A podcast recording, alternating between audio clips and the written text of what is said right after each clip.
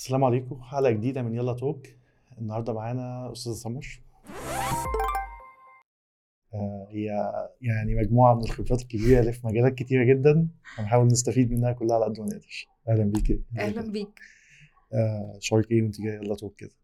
آه يعني يمكن نرفز شوية متوترة بس تمام. مش كده بدأت بالسؤال ده عشان عايز أفك الموضوع خالص. لا لا تمام. يعني تجربة بالنسبة لي لذيذة. أول مرة أعمل بودكاست بس آه، يعني هتلاقيني فكيت معاك بعد كده. بالظبط يعني إحنا الموضوع بسيط جدا. كل الضيوف اللي قلنا. ما تكهربوش يعني بالظبط. بدأوا على طول. طيب خلينا نبتدي. دايما يلا توك بتحاول تاخد الرحلة من أولها. okay. آه بنحاول نحط التجربة بتاعتك كامله قدام. الناس. كل واحد ياخد منها الحتة اللي هو ممكن تفيده ويطبقها في حياته فبالتالي يوصل لنتيجة أفضل. okay. خلينا إيه أول مرحلة تعليمية انت فاكراها أو حاسة إن هي كانت مؤثرة يعني؟ مرحلة الثانوية العامة والجامعة. حلو. أكتر مرحلتين مؤثرين جدا. الثانوية العامة. ذكرياتها إيه معاكي؟ يا أنا زي أي حد في البيت عادي جدا كانوا عندهم طموح إن أنا أدخل آه، طب أنا كنت علمي علوم تمام. آه، بس أنا كنت يعني يمكن شقية شوية أو لعبية شوية فما كنتش عارفة اللي هو يعني تمام أوكي ممكن تلاقيني في آخر السنة كده بلم المنهج بسرعة بس آه، أنا ما كنتش عارفة برضو ساعة ثانوية عامة أنا أنا مش عارفة أنا عايزة أطلع إيه بس كان. ال focus اللي هو إحنا ممكن نبقى أسنان صيدلة الحاجات اللي هي الخمس أربع شوية. سنين. آه بالظبط. مش مش مش سبع طب سنين سبع يعني. سنين بالظبط. فكان خلاص طيب تمام ندخل علمي. يعني كانت الرغبة في البيت إن إحنا ندخل علمي فتمام it's okay okay. دخلنا علمي علوم. آه كانت ال- النتيجة في الثانوية العامة بما إني لعبية شوية فكنت جايبة في تانية آه، 93 فاللي هو طب لا خلاص بقى أنا مش عايزة ده فهنروح حاجة تانية يعني طب ثانية بس مم. العربية ده اللي هو 93 صح؟ آه. بس إحنا في الولاد العربية ده اللي هو بيجيب 60% لا لا يعني زي ما قلت لك أنا ببقى طول السنة بلعب بس باجي في آخر الوقت كده اللي هو إيه نلم ال- الدنيا. شوية.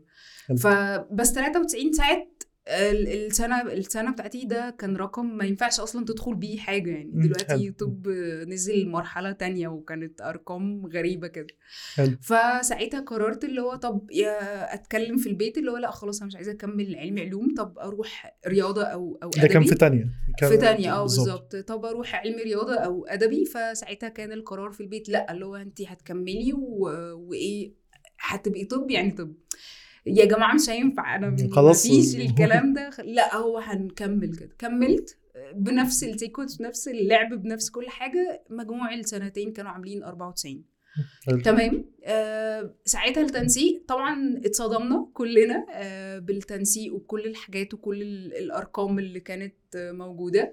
ودايما علم علوم بيبقوا اللي هو إيه واخدين الأرقام اللي 98 فوق قوي يعني. 99 اللي هو اللي بيجيب 97 من 100 وحاجة الحاسب بالظبط كده يعني.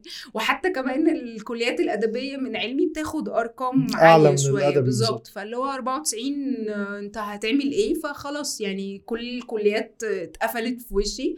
فمش قدامي غير آه، آه، تجارة آداب أو الحاجات دي كلها أو كانت علوم.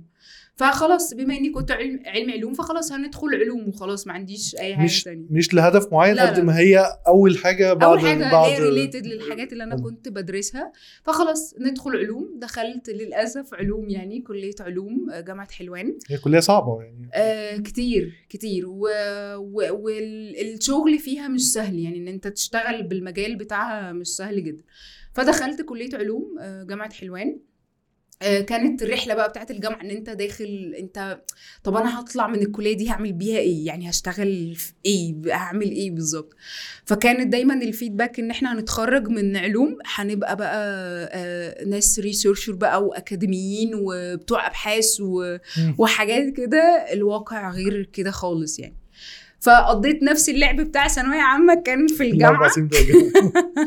بالظبط وخلصنا الجامعة والحمد لله اتخ... يعني اتصدمت إن أنا اتخرجت بتقدير يعني تمام أوكي آه طبعا أنا دفعة الثورة 2011 فالسنة طبعا أنت اتخرجت الدنيا كلها كانت مقفولة أنت مفيش فرص أصلا الواحد يدور أو. ينزل أو يشوف و... وكمان انت ما كنتش يعني إحنا آه، على أيام الكلية انت ال... طبعا عشان انت كلية عملي و... وفي مذاكرة كتير و midterm و oral وحاجات كتير قوي فانت ما كانتش عندك open opportunity ان انت تشوف ال... ال... الفرص في ال... في السوق إيه ساعتها. آه، ويمكن كمان زي ما قلت لك قبل كده ما كانش فيه student activity وقت الدراسة أو وقت الجامعة فانت مش عارف انت هتشتغل إيه لما تتخرج. ف... فكانت ال- الدنيا كلوز شوية لما اتخرجنا. وخصوصا بعد ظروف البلد والكلام ده فأنا كانت الحاجات ال- المتاحة بقى اللي لقيتها فعليا بعد التخرج إن أنت يا إما تشتغل في ال- التحاليل الطبية أو إنك تشتغل مندوب مبيعات للأدوية أدوية. جربت المجالين يعني مش هقول لك ما جربتش لا جربت آه، بس ما ما حسيتش إن أنا انترستد في في المجال ده خالص يعني هنرجع للشغل تاني بس هرجع تاني لحتة ال student activity عشان. دي من النقط المهمة اللي ممكن الناس دلوقتي بتشوفها في ناس بتشوفها سلبية وفي ناس بتشوفها إيجابية. okay. بس إحنا هناخد من واقع إن إحنا خدنا التجربة إن هي كانت مش موجودة وشفناها دلوقتي وهي موجودة. بالظبط. حتة ال student activity هل هي بتأهل الطلبة إن هي تبتدي تخش سوق العمل فعليا بشكل جاهز أكتر إن هو يبقى جاهز أكتر؟ ولا هي بتديهم ثقة زيادة في نفسهم بيخشوا السوق مصدومين إن هو بعد ال titles اللي بياخدوها في يعني بتلاقي في ال student activity C أو بتاع ال group. مش عارف كذا بتاع ال group أيوه ده حقيقي فيطلعوا بعد كده الناس تبقى متخيل إن هو ده ال- level اللي هيكمل منه مش إن هو. لسه هيبتدي يشتغل junior تاني أو هكذا. يعني دي ناس كتير كانت بتكتب عنها على ال social media مم. بس من ناحية تانية زي ما بنقول هو بيأهله هو بيخليه ياخد يعني إيه fundraise أصلا يعني إيه. fund أصلا يعني إيه كذا يعني إيه. كذا فبالتالي يطلع جاهز مم. إيه منهم أتقل من التانية يعني إيه منهم آه، مفيدة أكتر أو يعني شايفاها مؤثرة أكتر من حتة الستودنت اكتيفيتي أنا اتعاملت مع student activities كتير بحكم إن أنا كنت trainer يعني معاهم فاتعاملت مع student activity كتير. ال student activities هي يعني فرصة للطلبة إن هي تبقى آه، توسع مداركه على ال market عامل إزاي. إن هو يبقى يشتغل من حيث يعرف يعني إيه الأسامي ال titles بتاعت الوظائف دي موجودة. يعني إيه marketing يعني إيه PR يعني إيه HR يعني إيه finance يعني إيه operation logistics الحاجات دي كلها. بس آه، هو دايما ال student activity بيبقى حاصر نفسه في حتة اللي هو إيه ال titles دي across ال student activity بس. بس من حيث وده بتختلف من student activity للتانية. يعني مثلا لو أنت بتتعامل مع student activities معروفة أو well known لا تلاقي إن ال impact بتاعها أو ال value بتاعها على الطلبة. غير لو أنت بتتكلم على student activity هي close شوية الهدف منها entertaining أو الهدف منها آه، حاجات محدودة. فهي بتختلف من student activity للتانية على حسب ال value أو ال impact بتاعت ال student activity وفي نفس الوقت هي أنتوا إيه اللي أنتوا بتقدموه أصلا ك student activity يعني أنا بالنسبة لي آه إن أنت تعمل training sessions مثلا آه للناس اللي في ال student activity بتجيب ناس expert من المجالات دي شغالة أصلا already في ال real market يديك أو تجربة. واقعية. يديك تجربة واقعية دي real value آه غير لما تجيب حد مثلا اللي هو إيه بينقل تجربة مش مش واقعية. وتجيب آه، طالب تاني هو بالظبط. يعني أو تجيب طالب تاني آه، دي لسه الحقيقة. خبرته مش. ال student activity بتخلي الطالب يبقى عنده ثقة بنفسه آه بس على حسب شخص من وحسب هو هيوظفها إزاي كمان. هيوظفها بالظبط. إن هو لو خدها وبنى عليها إن أنا كده إن أنا جامد؟ جامد جدا ومحدش آه، ده حقيقي. مش هينفع أشتغل junior أصلا مش هينفع أشتغل ده كذا. حقيقي. فهتبقى هي ضده مش عارف مش معايا. بالظبط ده حقيقي. بس ك- هي مفيدة؟ لا مفيدة جدا لأن هي بيبقى فيها activity كتير. بس زي ما قلت لك هي بتعتمد على ال value بتاعت ال student activity نفسها. أنتوا بتعملوا إيه؟ آه، إيه إيه ال program بتاعكم؟ إيه الحاجات اللي أنتوا ال trainings اللي أنتوا بتعملوها أصلا ك activity إيه الشركات اللي أنتوا وصلتوا لها؟ ال experts اللي أنتوا اتعاملتوا معاها؟ فهي بتختلف. آه، بتغير في ال personality بتغير في ال personality كتير طبعا. يعني طبعا أولها حتى أصلا حتة التجربة يعني ده حقيقي انت قبل ما تخشي سوق العمل انت كنتي جربتي أصلا يعني إيه تكلمي حد ويعني إيه تعرضي على حد offer معين أو. تتناقشي معاه تخشي في نيجوشيشن معاه وهكذا يعني ده حقيقي بالظبط طيب ما كانش في ساعتها student activity بس خالص. أنا متأكد إن دايما بيبقى التجربة مم. يعني الأربع سنين بتوع الجامعة الثلاث سنين بتوع الثانويه العامه حتى لو ما الحتة بتاعت إن أنا اتعلمت زي ال student activity بس التجربة في حد ذاتها صعوبتها دي بتديكي شوية حاجات تبتدي تبني عليها في الشغل نفسه. مم. كان إيه أكتر حاجة الفترة بتاعت الجامعة دي ك skill يعني؟ إيه أكتر skill أو أكتر حاجة آه، استفدتيها منها يعني؟ غير الحتة العلمية طبعا اللي إحنا ممكن ما اشتغلتيش بيها أصلا أنا بالنسبة لي في الكلية آه، يعني يمكن أكتر حاجة آه، آه، اتعلمتها في الجامعة اللي هو يعني أنت ممكن تعمل أي حاجة تحت أي ظرف. آه اللي هو الكلام اللي بيتكتب في ال CV بس بس انت في الواقع بقى. في الواقع. فعلا حرفيا يعني إحنا عشان ك ك ك كلية صعبة وكلية عملية وكذا آه، أنت في ال- في المادة مثلا أنت ممكن تمتحن لما تيجي تمتحن أنت بتمتحن أربع مواد الأربع دكاترة في ورقة واحدة ف ف فانت مجبر مجبر انك تلم الاربع مواد للاربع دكاترة في في في, أسبوع في في يومين وتعملي بالانس. بقى ما بين ده وده نفس الحاجات بص انت عيش حياتك يعني. ف... فاكتر وبعدين اي حاجة انت مش عارفها انت مجبر انك تعملها. يعني لأن كان كل حاجة في الكلية هي مرتبطة بال, بال... بال... يعني إيه هما كانوا عاملين زي كده accumulative حلو. فال midterm ال midterm مرتبط بال oral مرتبط بالعملي مرتبط بال final فلو قصرت في ده هيأثر في ده هي- هيأثر في ده. هيكمل في بعض. بالظبط. فهي دي كانت ال ال الحاجات دي اللي هو إيه حتى لو أنت مش حابب ده هتعمله. يعني. زي ما بيقولوا إيه أكل العيش مر. فده مش أكل عيش مر أنت أنت عايز يعني أنت كنت بتعمل أي حاجة عشان أنت عايز تخلص. يعني آه، لو شلت مادة مثلا أنت مش بتشيل مادة واحدة أنت بتشيل ثلاث مواد لثلاث دكاترة بس هي بتتقال إن هي مادة واحدة. فكانت بالنسبة لي أكتر حاجة اتعلمتها اللي هو لأ أنت مهما اتحطيتي في أي ظرف أنت هت... هتتصرفي في عشان أنت عايزة تخلصي من اللي أنت فيه. فده كانت آه، يمكن أكتر حاجة اتعلمتها إن أنا عايزة أتخرج بسلام فهضغط على نفسي علشان أخلص على خير لأني عايزة أخلص. إيه المناطق اللي هي فيها مشاكل؟ يعني من أول ثانوية عامة لحد كلية. وجهة نظرك إيه اللي ممكن الحاجة اللي تتعدل في السيستم ده تخلي تجربة الناس اللي طالعة بعد كده أحسن وأفضل؟ آه، إن أنا مربطش اللي أنا بتعلمه باللي أنا هشتغله بعد كده. يمكن أكتر يمكن يمكن دي حاجة آه، اتعرضت لها من كام يوم. أنا كنت من من كام يوم كنت في ال- في الكلية عندنا في كلية علوم. آه، بس as trainer يعني رحت as trainer وكده. فساعتها كان في training session كنت بديها لهم ليه علاقة بال- بمجال شغلي حاليا في ال investment وكده.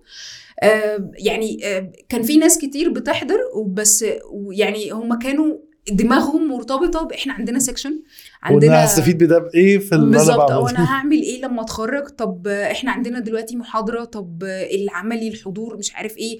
طب لو أنا عايز أعمل بزنس طب أنا عايز أعمل معمل تحاليل طب أنا مش عارف فهو رابط هو حاصر نفسه في هو الحتة- حاصر نفسه في الحتة دي بس. فأنت لأ أنت مش لازم عشان تتعلم حاجة إنك تشتغل فيها. ممكن لما تتخرج آه، تشتغل حاجة تانية خالص. ومش شرط اللي انت اتعلمته هتلاقيه بره. يعني حتى لو انت اشتغلت في مجال آه، بتاعك انت مش هتلاقي ليه تفاصيل هتلاقي ليه تفاصيل تانية. يعني إحنا مثلا في المجال بتاعنا انت عشان تتخرج فانت مثلا لو اشتغلت في التحاليل فانت مفيش حاجة قوي من التحاليل انت درستها في الكلية. مم. هتروحي تاخدي الستاندردز فهتاخد ال- تانية. فبالظبط يعني ما أنا بالنسبة لي إن أنا محصورش نفسي في اللي هو هو أنا لو لو لو دخلت الكلية دي هطلع إيه؟ لأ هو مش شرط. يعني أنت ممكن تطلع أي حاجة مش لازم تكون الكلية اللي أنت دخلتها هي اللي تخليك أنت تطلع إيه. يعني ممكن أكتر كمان اللي هو يركزوا على ال soft skills أكتر. بالظبط. لأن هو دي الحاجة اللي هتعيش معاه أكتر. يعني ولا افترض إن هو حد في كلية سواء هيشتغل بيها أو مش هيشتغل بيها هي ال soft skills اللي هو بيبنيها أثناء الكلية دي هي دي اللي هتفيده في كلتا الاتجاهين يعني. يعني ال soft skills مهمة جدا بالنسبة له اولا علشان أول حاجة خالص إن هو إزاي يجتاز أصلا أو يعدي ال interview فدي لازم ينمي ال soft skills تاني حاجة إن هو يعني يشوف ال- ال market فيه إيه. يعني يشوف كده حتى لو من باب الفضول آه، إيه الوظائف اللي موجودة حاليا دلوقتي؟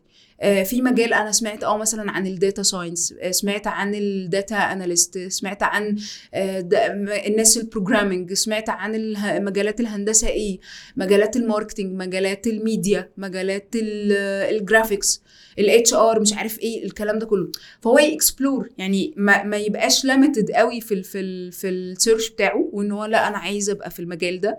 كل ما يبقى عندك diversity في ال في ال options كل ما أو يبقى ال pool كبيرة بتاعتك إن أنت من الاختيارات بتاعتك كل ما تقدر تحدد أنت هت fit في أنهي مجال بالنسبة وده في حد ذاته ممكن أصلا يخليه أقوى في المجال بتاعه يعني أنا لو بالظبط. فاهم marketing وفي نفس الوقت آه، في الحتة ال scientific أو أنا فاهم الحتة بتاعت التحاليل أنا ممكن أكون شركة تسويق متخصصة في المعامل بالظبط. هبقى أقوى من أي حد تاني مش فاهم التفاصيل بتاعت المجال ده. ده حقيقي. لو أنا فاهم في ال software فأنا ممكن أبني startup على إن هي تحل مشكلة للجزء بتاع التحاليل أو للجزء الخاص بده. فبالتالي أبقى أنا أقوى من أي حد برضه تاني هينافسني لأن أنا بالظبط. عندي ال- ال know-how بتاعت المجال نفسه. بالظبط. فهبقى أقوى فيه. طيب لو إحنا هنتكلم على ال system يعني إحنا كنا سنتين ثانوية عامة. زي بعض. لو إحنا بنتكلم دلوقتي الثانويه العامه بقت سنة واحدة. بقى في تابلت بقى في الامتحانات MCQ كل دي تعديلات وتغييرات هدفها إن تخلي ال system أحسن. هل من وجهة نظرك هي ممكن فعلا تكون دي التعديلات أو الحاجات اللي خلت ال system أحسن أو تخلي الحتة التعليمية اللي إحنا كلنا بنعيشها لحد الكلية دي أحسن؟ ولو في حاجة تانية ممكن متخيلة تبقى حاجة شبه إيه؟ هي ال technology مهمة في التعليم. يعني وال- وال language مهمة في التعليم. يعني أنا بالنسبة لي أكتر حاجتين مهمة في التعليم ويمكن دي كانت آه، عندنا lack شوية فيها إن إحنا مش بنهتم باللغة في ال في ال في ال system بتاعنا. آه، دايما اللغة الأساسية هي مثلا آه، لغة واحدة اللي هي الإنجليزي وال- وال language الثانية مش مش مش أساسية. بالظبط هي مجرد ماده درجات وخلاص. مادة درجات وخلاص ومش بتضاف للمجموع. ف... فبالتالي أنت مش مهتم بيه. وال technology مهم. ويمكن ساعتها لما إحنا كنا في الدراسة أياميها ما كانش لسه ال- ال technology أو الدنيا مفتوحة قوي زي دلوقتي. طبعا. فأنت دلوقتي ال ال التابلت مهم جدا في ال system الإنترنت ال research. دلوقتي مثلا لو أنت بتتكلم في المدارس أو في الجامعات بقى في عندهم LMS أصلا بيبقى عشان آه، ي manage ي manage ال system بتاعهم وال education journey بتاعتهم كلها. فأنا بالنسبة لي آه، حاجتين مهمين جدا في أي education system ال language وال technology. ودايما وأنا بتعلم أربط ده باللي بره. يعني ما بقاش بتعلم حاجة في حتة واللي أنا بخرج منه مش بعرف أطبق اللي أنا اتعلمته بره. دي دي دي مشكلة جدا. على level الطالب نفسه ولا على ليفل المؤسسة؟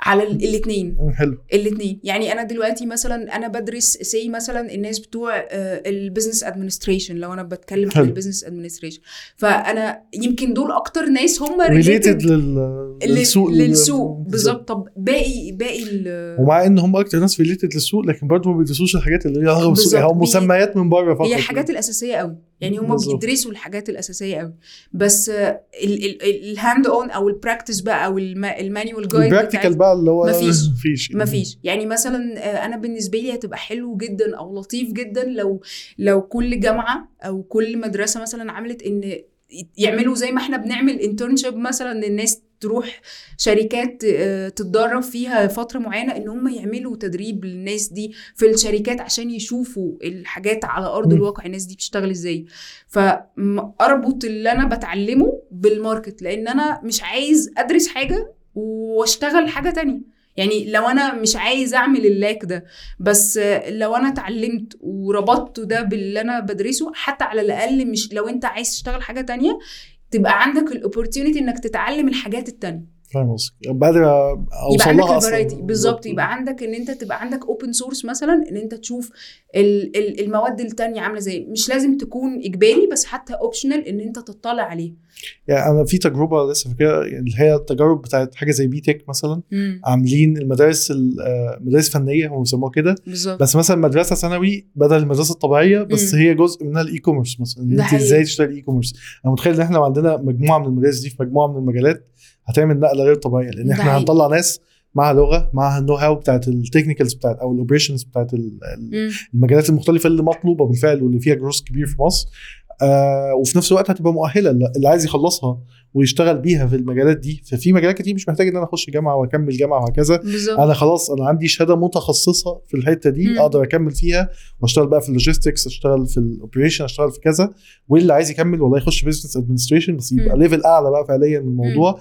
أنا متخيل إن إحنا لو ركزنا على الحتة دي وكملنا فيها كمان زي ما انت قلتي كمان مع اللغة والتكنولوجي لأ هي هتلاقي الموضوع بقى في حتة بالظبط. خالص يعني. يمكن في الجامعات الخاصة عندهم option إن أنت بيبقى فيه topics وأنت بتختارها لو عايز تدرسها أو الحاجات دي مم. آه لو انت عايز تز- تزود مدة الدراسة بتاعتك عايز تقصرها what انت حابب إيه فانت بتروح تشوف ال topics دي وبت حتى لو بت explore هي بصي أنا أنا برضو عندي مشكلة خلي بالك مع ال- الحتة الإجباري والحتة الاختياري. بمعنى إن إحنا في مصر إحنا عندنا ثقافة إن الإجباري هو ده اللي بذاكره الإجباري آه. ده هو اللي بعمله أنا مش مجبر إن أنا أروح أعمل حاجة تانية حتى. لو هتفيدني. وأنا عارف إن هي هتفيدني بس أنا مش مجبر أروح أعملها فخلاص مش هعملها أنا شايف إن اللي يحصل يغير فعلا ويخلي فيه جروس رهيب في الحتة التعليمية في مصر حتة إن هي تبتدي الحاجات الإجبارية تبقى هي الحاجات المفيدة. مم. يعني عارفة اللي هو إيه أو حتى نسب. يعني تلتين الدرجة على الحاجات الطبيعية اللي إحنا بنعملها دلوقتي وفي تلت على إن أنا هعمل project في حاجة عملية. بالظبط. تخيلي كده لو جينا في ثانوية عامة وقلنا آه، في حاجة اسمها project. ال project ده الناس مثلا بتوع أدبي ممكن يشتغلوا على الحتة بتاعت آه، التجارة ممكن يشتغلوا على حتة إن هو يعمل e-commerce platform إن هو يشارك في كتدريب في في e-commerce platform أو يطور فكرة أو يطور حاجة منها تخيلي ده لو على level الثانوية العامة. ف already إحنا مخرجين ناس من ثانويه عامه فاهمين المجالات دي اللي يدخل منهم كليات عملية خلاص ممكن يركز فيها عشان يطور نفسه فيها وعنده برضه background knowledge يقدر يستخدمها بعد كده واللي ما دخلش كليات عملية أو ما دخلش كلية متطلبة وقته كله هيقدر يشتغل side job جنب الكلية في حاجة فعليا عمليا هتفيده وهتفيد البلد أكتر بكتير. بالظبط. فمتخيل إن إحنا لو رحنا للحتة دي كفكر لأ ممكن تفرق كتير جدا. هتفرق كتير ده حقيقة ده حقيقة. كده إحنا اتكلمنا عن الجامعة اتكلمنا عن الحتة ال basic شوية أكتر كتعليم. okay. بداية ال career نفسه انت قلتي إن انت جربتي الأول في حاجات ليها علاقة بالكلية. ده حقيقة. وبعد كده ابتديتي تشوفي الفرص اللي موجودة في حاجات تانية. كان إيه أول حاجة كنت حسيتي إن هي دي أو أنا هبتدي فيها؟ أنا دايما كنت عندي يعني أنا دايما مقتنعة إن في أي أي حاجة available جربيها وشوفي هنعمل فيها إيه. آه. تمام؟ فكانت آه، في كذا حاجة available فقلنا طب خلاص أول حاجة مثلا هنجرب التدريس. فاشتغلت فترة مثلا صغيرة مش كبيرة قوي يعني في تدريس إن أنا بدرس science و English مع الأطفال بقى. كانت الموضوع هنا إن أنت بتتعامل مع أطفال في KG يو والمراحل السنية حلوة جدا. أنا ابتديت إحنا بنلعب مش بن... أنا ابتديت. حياتي بكده كنت بعلم برمجة للاطفال عندهم خمس ست سنين ف بالظبط يعني ف... فكانت ال- الخطوة إن أنت بت دي كانت أول حاجة. بس لقيت إن هو إيه أنا بحب ال teaching وبحب ال training بس مش مع المرحلة دي لأن المرحلة دي محتاجة طاقة ومحتاجة power وطول الوقت انت محتاج ان انت تبقى active معاهم وتلبي لهم رغباتهم ويلا نلعب ويلا والتركيز في. تفاصيل كتير غير ال teaching بالظبط آه يعني وساعات أصلا ممكن تلاقي في نهاية ال class أصلا اللي هو إيه إحنا ما ما ما اديناش ما شرحناش حاجة. لا يا جماعة مش هينفع كده. فكانت ال- الموضوع بالنسبة لي حبيت حتة التدريس بس آه، قلت طب خلاص نبقى نشوفها بقى في في في مراحل تانية. آه بعد كده جربت ال sales اشتغلت sales يمكن مش كتير قوي بس اللي هو إيه قلت طب أشوف ال sales. آه نزلت في ال- في ال medical rep لأ لقيت الموضوع صعب ولف ورايحين وبنيجي مواعيد مع دكاتره وانتظار و AM و PM لأ يا جماعة إحنا كده بهدلة مش هينفع. اشتغلت sales برضو تاني كان في في training ومش عارف إيه والكلام ده كله فقلت آه، لأ أنا مش أنا مش بتاعت sales أنا مش مش بجيب بجيب deals بس لأ مش ده الهدف اللي أنا عايزاه يعني.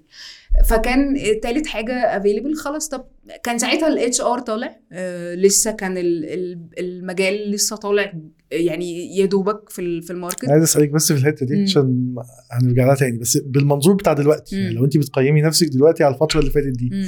الفترة اللي انت كنت بتجربي فيها مم.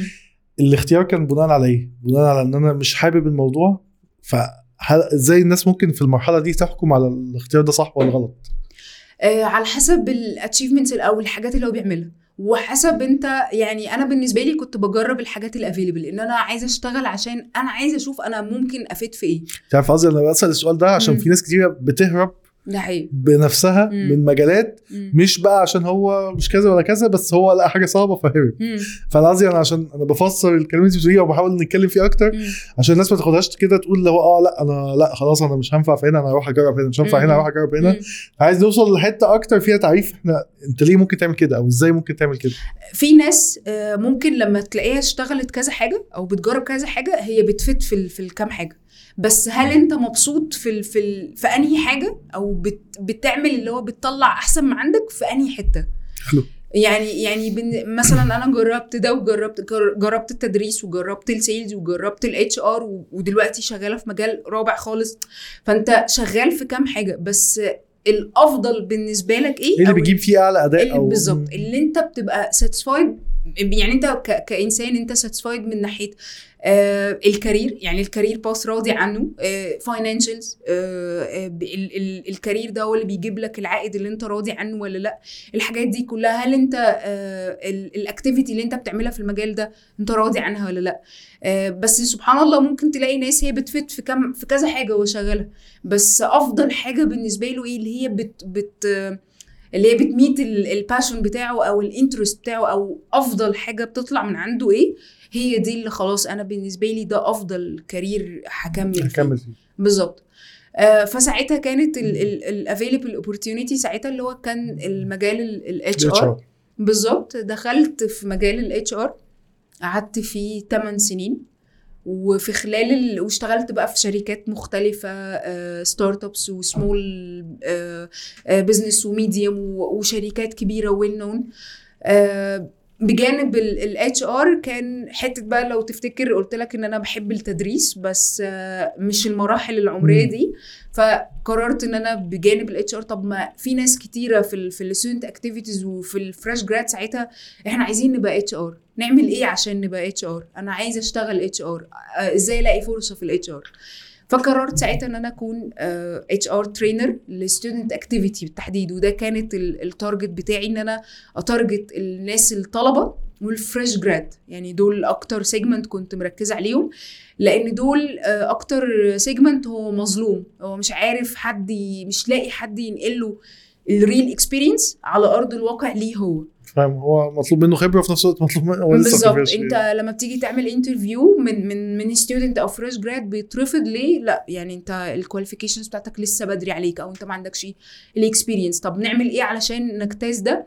فما كانوش هم عندهم لسه حتة ان إحنا نوصل لحد يقول لنا ال experience بتاعتنا أو إزاي ابقى في المجال بتاع ال HR ده أو إيه هو عبارة عن ال HR ده.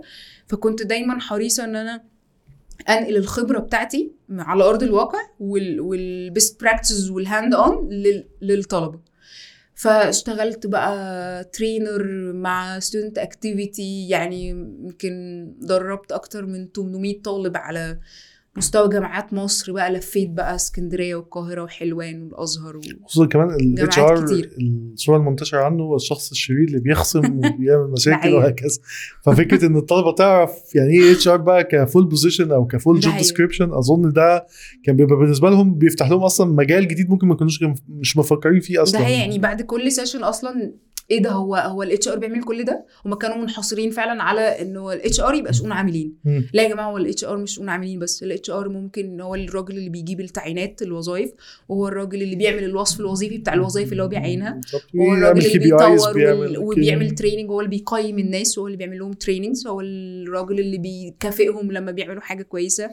وهو الراجل بقى اللي هو بتاع الشؤون العاملين ده part مننا هو الراجل اللي بيقبضنا. يعني في في كذا function كده من ال HR فكانوا بعد كل session إيه ده؟ هو ال HR هو بيعمل كل ده؟ آه هو بيعمل كل ده. بس كانوا زي ما حضرتك قلت كده اللي هو إيه هم منحصرين في حتة ال- الجانب الشؤون السيء والخصومات والجزاءات والحاجات الإدارية يعني.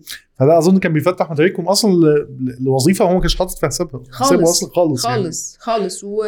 وساعات كتير كنت بقابل ناس آه، يعني لما بقوا يعملوا interview لا أنا حابب أبقى أكون في مجال ال recruitment بس أو أكون في مجال ال payroll أو يعني من بعد ما عرفوا بقى ال functions بتاعت ال HR المختلفة وال...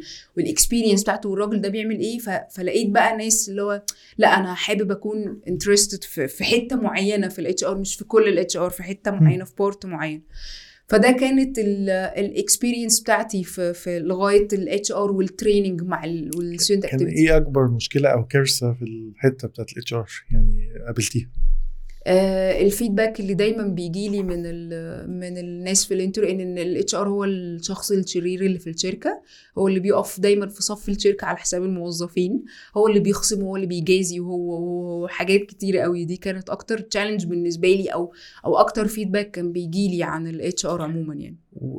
ك ك HR أكيد بتشوفي بقى المشاكل بتاع فكرة إن هو مفيش شغل والناس في نفس الوقت على الناحية الثانية الناس ما بتجيش أصلا. ال interview يعني لسه كنت أقول لك no show أكتر بكتير من من اللي بيجي أصلا وبيلتزم وهكذا.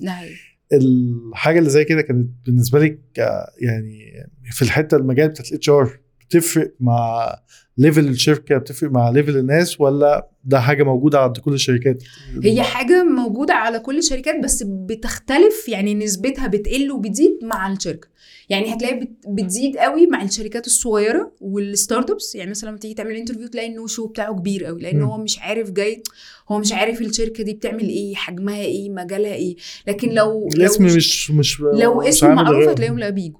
آه دي شركة مثلا يعني لو بنك يا نهار أبيض هتلاقيهم واقفين على الطابور من الصبح ال interview من قبل ما نفتح. فالمجالات هي بتختلف في الحتة دي. يعني نسبة ال no show بت... بتزيد وبتقل على حسب حجم الشركة وهي معروفة في ال market ولا لأ. بس overall دي كانت من أكتر ال challenges اللي أنت بتواجهها ك HR بالظبط. أكتر مشاكل في ال CV. هو يعني أكتر حاجات شفتيها في ال CV رجعتني لأيام.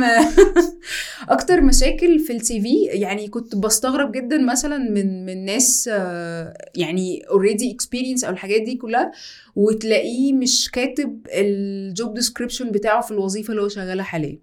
أو إن هو حاطط صورة مش professional في ال CV وممكن يكون ال CV بتاعه حلو. أو مش عارف آه، آه، يعني مثلا إيه مش كاتب هو قعد في الشركة إيه أو إن هو بينط كتير. من شركة لتانية فدايما كنت لما ببقى بدي بقى sessions للطلبة أو ال fresh grad وكده كنت دايما ب focus على إزاي تعمل تبلد إزاي تعمل ت build ال C V وتشوف بقى نتعلم من الأخطاء وكنت دايما يعني بجيب لهم ال ال ده عامل إزاي وده عامل إزاي وأنت آه، حط نفسك مكان ال HR هتختار أنهي CV. آه فدايما بالنسبة لي من أكتر المشاكل اللي كنت بواجهها في ال CV يا إما الحاجات آه، تبقى مش واضحة أنت بتعمل إيه كاتب بس ال job title والشركة وخلاص يا إما الصورة مش professional في ال CV يا إما تلاقي الايميل اللي هو حاطه أو الحاجات الايميل مش formal professional أو مش professional بالظبط. أو كاتب حاجات copy paste من ال job description في كل شركة هو يعني. هو واخد one job. description فواخده copy paste في كل حاجة هو حاططها. مش موضح التطور أو مش الاختلاف- اللي هو بيعمله. بالظبط. فدي كانت يمكن من أكتر المشاكل اللي كنت إيه؟ بشوفها. إيه اللي weight weight أكتر في ال في ال CV ال CV اللي مليان تفاصيل ومليان jobs كتير وأربع خمس صفحات. ولا اللي هو ممكن مختصر بس يعني على الهدف اللي هو جاي عليه؟ يعني هو مثلا ملخص الحاجات اللي هو عملها في ال sales وهو جاي على وظيفة sales مثلا هو بالنسبة لي إن هو مقدم يعني ال CV يكون related للوظيفة اللي هو مقدم عليها. مش كل حاجة وخلاص. مش كل حاجة خلاص يعني أنا بالنسبة لي يعني مثلا لو أنت عندك آه، خبرات مختلفة تمام؟ يعني مثلا اشتغلت في ال sales فترة واشتغلت في ال HR فترة واشتغلت في في حاجات freelance فترة لو أنت بتقدم على وظيفة معينة مثلا في ال sales فأنت ركز على ال sales بس. أو اللي هيفيدني من الحاجات التانية بالظبط. الخبرات اللي ممكن تفيدني. لو خدت كورسات كتير فركز على يعني دايما يبقى أنا كنت دايما بقول لهم يخلي ال CV related للوظيفة للي أنت بتقدم عليه. لو أنت اشتغلت كذا شغلانة يعني اعمل لكل شغلانة CV حلو. مش مش حلو إن أنا أقعد أكتب مثلا اشتغلت هنا واشتغلت هنا واشتغلت هنا وشوية اشتغل freelance وشوية اشتغل sales وشوية اشتغل marketing وإن أنا أحط بقى ال titles مثلا بتاعت ال student activity اللي هو أنا والله أنا كنت. CO يعني- بتاع كذا في ال student ده activity حقيقة. ف- فأنت يعني دايما خلي ال CV اللي أنت بت بتاعك related للوظيفة اللي أنت بتقدم عليها ودايما يبقى ال CV يعني في يعني قول انت بتعمل إيه يعني دايما وضح ال ال ال إيه الأدوار أو الأدوار؟ بتاعتك ووضح انت قعدت أسامي الشركات وضح المدة اللي انت قعدت فيها قد إيه آه، وضح ال trainings والكورسات اللي انت خدتها related للمجال ده. ال skills بتاعتك وضحها في ال CV انت بتعرف تعمل إيه بس الحاجات اللي already موجودة فاهم. بالظبط. مش ال- مش أي حاجة وخلاص. لو هي حاجة over وخلاص ممكن تضرك مش أكتر من إنها تفيدك يعني. بالظبط. مش يعني لو انت team player فلو انت عندك ال communication skills بتاعتك كويسة فانت قول ان انت good communicator لو انت ال English بتاعك كويس فانت قول الرقم ده يعني قول ال- ال- ال feedback ده. ال level ده. بالظبط لو انت واخد كورسات related للوظيفة اللي انت بتقدم عليها فاكتبها فقول كل الحاجات اللي هي تقدر لما ال HR يشوف ال CV بتاعك يقول ان هو related للوظيفة أو إن هو تمام ال CV ده كويس جدا فأنا هاخده عشان أعمل معاه interview حلو جدا. المرحلة بتاعت ال HR. كانت 8 سنين 8 سنين دي حقيقه خلال الثمان سنين دي كان معاها جنبها شغل تاني أو حاجة تانية آه. ولا تمام كان الجزء اللي هو بتاع ال handmade كان جنبيه private business بقى. حلو. إيه بقى اللي كنا بنعمله فيه؟ آه بدأت private business آه في 2017 كنت عاملة أنا في دماغي اللي هو إيه طب ال HR حلو تمام. بس آه آه عايزة أنا في أنا دايما دماغي business شوية. فأنا عايزة أشتغل آه، أو عايزة آه، أدخل مجال ال business عموما. طب نعمل إيه؟ فساعتها فكرت اللي هو آه، إحنا محتاجين آه، نعمل آه، قلت أكتر حاجة الناس بتحبها هي الحاجات ال handmade يعني خصوصا إن هو ال hand ال- ال handcrafts والحاجات دي هي إحنا مشهورين. بيها في مصر بس مش قادرين نستغلها ونسوقها صح وإحنا عندنا talents كتيرة جدا في في ال- في المجال ده فبدأت ال business بتاعي في 2017 آه، عملت e-commerce platform هي إحنا بنسوق منت... كنا بنسوق منتجات handmade يعني بنشوف الناس اللي بتعمل حاجات handmade كنت كنت بختار ال- الحاجات اللي هي المنتج الكويس أو المنتج الكويس. آه، لأن ساعات كتير في هتلاقي منتجات handmade هي خلاص ما بقتش trendy زي الأول مشكلة أظن كمان منتجات ال handmade إن هي تفاصيل كتير قوي تفاصيلها كتير وتفاصيل- وغالية. و... و... و... ولو أنت مش قادر توظفها في ال... في ال... في ال trends بتاعت آه، ال trends الموجودة دلوقتي مش هتتباع فكنت دايما آه، حريصة على إن أنا أختار الحاجات اللي هي ليها علاقة بال trends بتاعت ال market واللي هي already ليها استخدامات الناس هتستخدمها. يعني مثلا التطريز آه، آه، كنا بنهتم جدا بمثلا تطريزات آه، مناديل كتب الكتاب ومش عارف إيه والكروشيه والحاجات دي كلها. فساعتها فكرت إن إحنا نعمل آه، platform آه، تمام وعملت ال business آه، كان لطيف آه، جدا بالنسبة لي. كانت first step ليا في مجال ال business وساعتها عملنا يعني number of orders كان حلو جدا وإحنا كنا e-commerce platform نفس ال concept زي أي e-commerce أنت بتعرض المنتجات على ال platform وبتاخد commission مقابل التسويق يعني والتوصيل والحاجات دي كلها. آه، بعديها آه، بدأت ال second business إن هو لا مش كفاية. يعني one business is not enough ف يعني في نفس الوقت كان ال business التاني ولا؟ بعديه بسنتين. آه يعني بعد ما التاني وقف بفترة كان شغال؟ كان هما الاثنين يعني آه. جت لما بدأت ال business التاني كان هو كان التاني شغال. وقررت بقى وت- وال business التاني اللي بدأته هو كان يعني مكمل. مكمل لل business الأولاني لأن كان عندنا مشكلة في التوصيل ال- الأوردرات والمنتجات. مشكلة في مصر كلها. يعني مشكلة مع كل ال e-commerce كله كان في ال shipping وال logistics فقررت إن أنا أعمل business شركة في ال logistics وال shipping بالك أول بنت أسمعها إن هي فتحت حاجة في المجال ده. مجال صعب جدا وكله كان أصعب تعامل على الأرض. و... كان أصعب قرار و- ومش عارفة اتاخد إزاي بس آه، لأ خلاص. يعني إحنا عندنا مشكلة في في ال e-commerce إحنا مش عارفين نوصل ال products بتاعتنا. بنوصلها بس يا إما بتتأخر يا إما مع ال mass product مع ال mass orders أنت مش عارف تلاحق مع ما هتلاقي. شركات كبيرة يعني الشركات الكبيرة ممكن يكون بتوصل بسرعة بس مش مهتم مش مهتمة بال order بتاعك بالظبط آه، ما تكلمش العميل ما تأكدش عليه ما هكذا هو عنده مليون order تاني فهو مش فارق أو المنتج نفسه لو كمان انت بتتعامل مع منتج handmade فممكن في حاجات. بتتكسر. الحاجات دي كلها ف يعني التوصيل بتاعه كان صعب فلا خلاص إحنا هنعمل إحنا ال- التوصيل in-house. فعملت آه، آه، شركة في آخر 2019 آه، شركة شحن وتوصيل حلو. ده كان ال second business و... و... وكنت في نفس الوقت كنت شغالة في ال corporate ال corporate life يعني كنت كان لسه شغالة HR زي ما. إحنا. full time.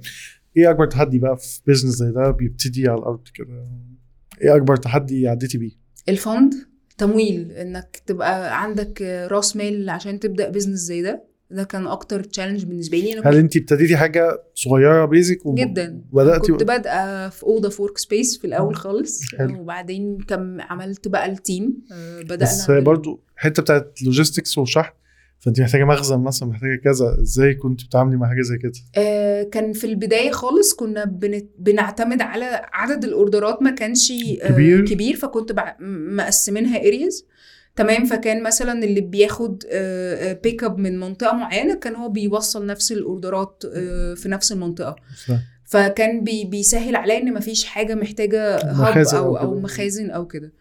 آه، أصعب حاجة في ال في ال shipping وال logistics هو ال operation طبعا. ال operation أصعب من أصعب الحاجات اللي في مجال الشحن والتوصيل. الناس لما بتيجي تحسبها من بره بتشوف آه ده أنا هوصل 10 أوردرات بكذا في كذا فأنا كسبت. لكن ال- السر يكمن في تفاصيل وكمان آه، ال e-commerce بالتحديد هو أنت دايما في headache وفي hassle مع العميل. الأوردرات ما وصلتش فأنت أكتر حاجتين بتقوم ال- ال- الشحن أو التوصيل بالتحديد ال C ال CS ال customer service وال operation لو دول كويسين. آه، بالظبط. خلاص الدنيا هتبقى سهلة. تمام. التكنولوجي والحاجات دي مهمة بس دول أهم حاجة في ال خصوصا إحنا عندنا تحدي في مصر هو تحدي خاص بينا إحنا. ك e-commerce حتة ال cash on delivery ده حقيقي. لأن أنت ال cash on delivery تقدرش تبني عليها إن ال order هيوصل بنسب توصيل أقل من من أكيد الدفع بالفيزا وحاجات زي كده. فأظن ده من التحديات اللي مخلية الموضوع في مصر صعب غير طبعا بقية التفاصيل ال logistics والوصول للاماكن البعيده وحاجات زي كده. فالتحدي ده أظن هو أقصى حاجة. يعني لو الحتة بتاعت المدفوعات دي اتطورت شوية الموضوع هيبقى أسهل كتير يعني آه لو أنت ب... إحنا ال concept عندنا إن أنت تعمل آه آه يعني آه يعني ال order يبقى مدفوع آه الأول قبل التوصيل دي صعبة لأن ال- العميل هو بيبقى عايز يشوف المنتج بنفسه وعايز يفتح الاوردر ويشوفه خصوصا بقى لو أنت بتتكلم في ملابس وشوزات وحاجات كده. فهو محتاج يشوف الحاجة الأول هو see ما خلي بالك ما هي دي منظومة كاملة على بعضها يعني أنا. يعني أنا هنا من مصر ببقى مآمن وأنا بطلب order من امازون أمريكا. هيوصل لحد في أمريكا ويجيبه لي وهو جاي أكتر ما أنا مآمن أطلب من order من امازون مصر ويجي لي هنا. ليه؟ لأن هو في الأول والآخر أنا عارف إن أنا بيحميني policy معينة إن الحاجة دي لو مش مش كويسة هترجع. وهترجع وهيحصل refund وهيحصل كذا وهيحصل كذا. هنا المش- المشكلة مش عند ال business owners يعني هنا هنا المشكلة في إن يبقى في system عام أصلا يحمي ال user عشان ال user يبقى مآمن إن هو يقدر يدفع اونلاين والحاجة تجيله ما يبقاش فيها مشكلة. بس لسه ال user ما عندوش الاستعداد إن هو يدفع حاجة م- مسبقا قبل ما يشوف ال order يعني مم. لسه هنا العميل عندنا في مصر ما عندوش الحتة دي.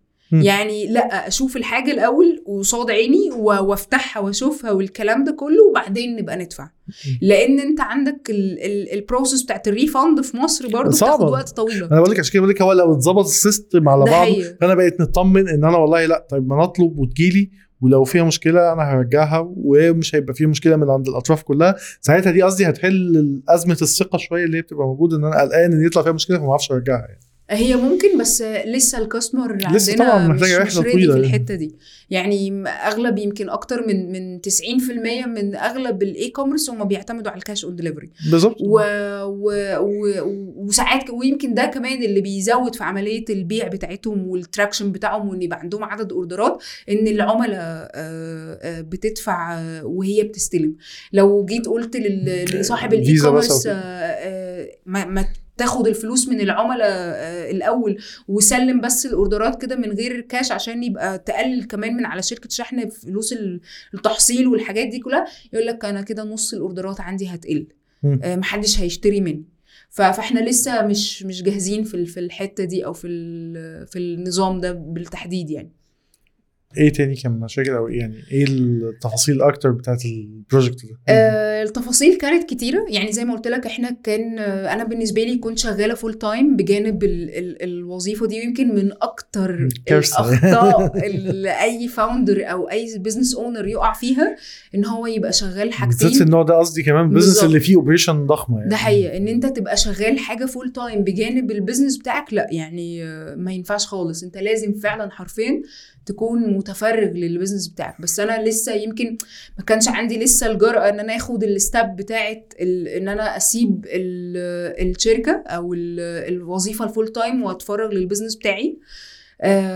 بس لأ يعني كنت كنت ما بين بقى نارين اللي هو ده وبعدين ما كانش عندي تمويل وما كانش عندي fund أو أي حاجة. فأنت الفلوس اللي أنت بتاخدها من ال من ال salary ال full time هو اللي. بت invest ها في في في المشروع. ف... فكنت بين نارين. ف... فلا خلاص يعني طالما الدنيا stable وماشية ومش عارف إيه والكلام ده كله آه فتمام نكمل. بس آه مع ال expansion وال... وال growth لا الموضوع صعب يعني إحنا كنا في الأول بادئين آه 50 order 100 order مش عارف إيه الكلام ده كله لا إحنا وصلنا يعني إحنا في خلال المشروع لما فتح وصلنا في في خلال سنة ونص وصلنا 22 ألف order على مستوى ال- المحافظات يعني مع 600 عميل e-commerce small و big size تمام فالموضوع مع. يعني أنت معدل بتوصل حوالي 2500 order مثلا من 2500 لغاية بقيت تكسر الثلاثه 3000 order في الشهر مع الف... مع الحاجات مع ال hassle operation فلا جه وقت بقى اللي هو يا, تاخدي ده يا تاخدي ده خصوصا إن انت انت الحاجات اللي زي كده انت محتاجة تعتمدي على جروس ضخم يعني محتاجة بالظبط. 3000 دول يبقوا 10000 يبقوا ده 20000 حقيقة. عشان تقدري تبتدي تكبري. يعني. يعني أنت أصلا وصلت ال... لل 3000 دول في وقت آه، يعني برضو مش مش مش صغير كبير انت بتتكلم في سنة ونص وبقيت توصل للرقم ده وحتى هي كذا حد أعرفه من اللي شغالين في الحتة دي يقول لك هو المشكلة مش في إن أنت تجيب orders المشكلة إنك تعملها وإن يعني آه. إن أنت تعملها بالظبط ده بالظبط. حقيقة يعني لأن ال- الشحن كله ال cost بتاعته قايمة على ال- التوصيل. والشحنة. فأنت مع خصوصا كمان لما بتتعامل مع ناس آه، mega stores أو mega e-commerce والكلام ده كله فبيقعد يفاصل معاك في سعر ال- الشحنة. فلو أنت المندوب بتاعك واقف عليك حاسب ال cost بتاعه فلو أنت عدد الشحنات اللي هو خارج بيها مش مغطية ال cost بتاعته فأنت بتخسر. آه، فلا يعني الموضوع كله كان hassle وهو حسابات بقى وإن أنت تغطي ال- التكلفة بتاعته والحاجات دي كلها فكانت فكانت بس كانت تجربة لذيذة يعني. بالنسبة لي كانت experience أنت بتستفاد منها في حاجات كتير يعني. فده كده كان. أنت كنت محطوطة قدام قرار إن أنت تكملي ال... الشغل بتاعك ك corporate وهكذا ولا إن أنت تكمل ت- في ال business آه. كان فكرت في الموضوع إزاي أو خدتي قرار إيه؟ آه، خدت القرار ويمكن ده كان تاني حاجة اتعلمتها من ال- ال business إن إن مش كل الناس آه، تنفع تكون business owners أو أو صحاب business أو رواد أعمال في ناس ممكن تاخد ال risk ده وهي عندها ال talents دي وفي ناس لا أنا بالنسبة لي ممكن أ support في ال business بس من شكل تاني. وما فيش صح وغلط يعني. بالظبط. ده هيبقى مناسب للناس وده مناسب بالظبط. للناس. فكان بالنسبة لي لا أنا خدت ال experience وخدت التجربة وعملت أرقام وعملت achievement حلوة أنا بالنسبة لي كنت راضيه عنها. بس كان ال risk إنك تغطي ده قصاد ده آه، لا اخترت إن أنا أسيب ال business وأرجع لل corporate life رجعتي برضو أو كملتي ك... في الجزء ال HR لسه؟ لا ساعتها بقى خلاص آه، عملت هنغير. هنا وهنغير هنا. بالظبط ساعتها بقى خلاص يعني آه يعني بعديها قعدت بعد ال- ال business قعدت شوية فترة بسيطة HR وبعدين بقى لا آه، عملت career shift بقى خلاص يعني 8 سنين حلو قوي كده نعمل بقى step تاني. عادة الناس لما بتاخد يعني سنة سنتين ثلاثة في. مجال. بتبتدي يقول لك لا خلاص أنا حطيت رجلي في المجال وعملت اسم فيه وهكذا. مم، فأنا صعب أغير. ده حقيقي. فما بالك 8 سنين بقى. مم. فقولي لي خدت القرار ده إزاي يعني آه خدت القرار آه خدت القرار في وقت آه يعني بعد تفكير عميق. آه قررت لا أنا مش عايزة يعني مش مش عايزة عشان المجال وحش بس آه، أنا وصلت لل... لل... لل... للسقف بتاع المجال ده خلاص ما فيش أي حاجة تانية ممكن أقدر أعملها. آه فلا أنا محتاجة challenge جديد. آه، خصوصا إن أنت وأنت في صاحب business أنت كل يوم بتواجه صعوبات في ال business بتاعك. آه، فلما بت بتبقى بترجع لحياه ال stability وإن مفيش أي challenges جديدة بتحس إن لا في حاجة عمرك ما هترتاح وأنت في ال comfort zone بتاعتك.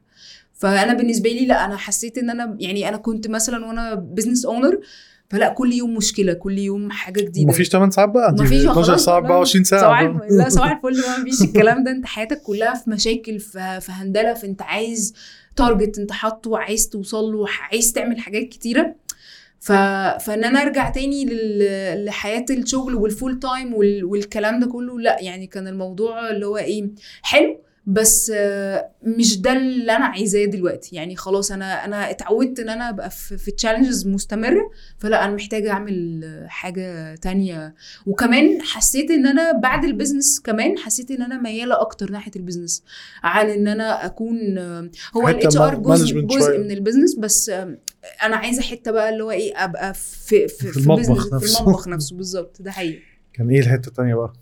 في مجال ال investment حلو. يعني رحنا برضو من جزء لجزء يعني. ال HR أكتر مرتبط أكتر بال corporate برضو شركات أكتر كبيرة وهكذا. ده حقيقي رحنا ال investment اللي هو بتعامل أكتر في في startups وعدد شركات كبير ومتغيرات كتير جدا. كان البداية جت إزاي؟ البداية جت إزاي؟ يمكن كنت آه، محظوظة في الحتة دي آه، إن آه، ال GM بتاع ال- الشركة اللي أنا شغالة فيها حاليا دلوقتي هو اتعاملت معاه قبل كده. فكان شايف حتة اللي هو سمر عندها skills في ال business وكان عندها business خاص بيها فهي عارفة آه، تتعامل مع ال startups وعارفة حياة ال startups عاملة إزاي وعارفة ال sectors بتاعت ال- الحاجات اللي أي startup بالتفاصيل. ال basics اللي كل الناس. تحتاجها. فساعتها كلمني و ما تيجي تشتغلي معانا أنا محتاجك في في, في ال team بتاع ال investment يعني فساعتها الموضوع أنا كنت interested فيه. ليه لأ؟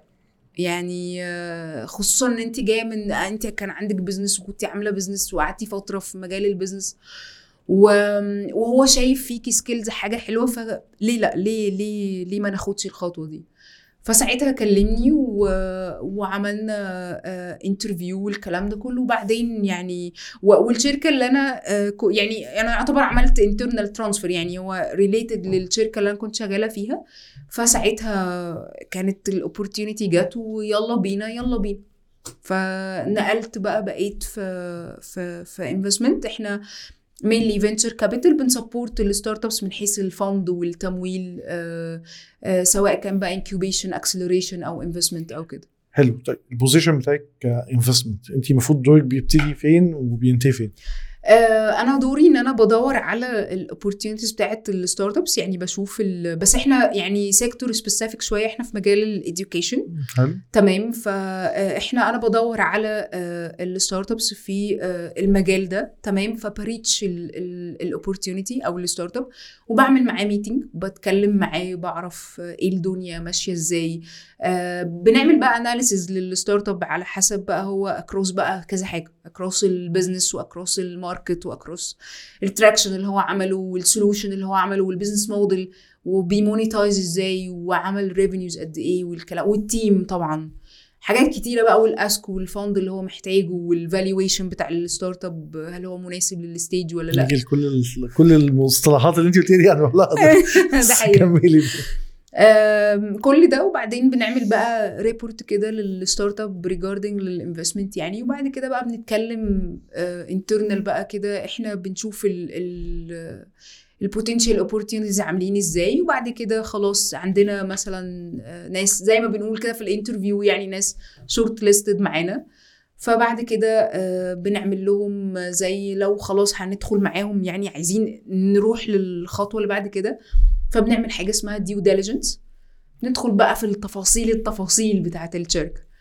وبعد once إن خلاص عملنا ال due diligence والكلام ده كله آه، تمام. لو ال- ال startup تمام فعلا promising ومفيش أي مشاكل عندهم أو الحاجات دي كلها بنعمل بقى ال deal وخلاص. يعني خلاص بيبقوا بقى بنمضي معاهم ويبقوا معانا في ال portfolio بتاعنا. إمتى أقول إن ال startup promising؟ على حسب حاجات كتير. يعني لو قدرنا نلخصها في نقط مثلا كده. أول حاجة على حسب ال ال المشكلة اللي هو ال solution بتاعه بيحلها. هل حلو. هو في مشكلة حقيقية ولا لأ؟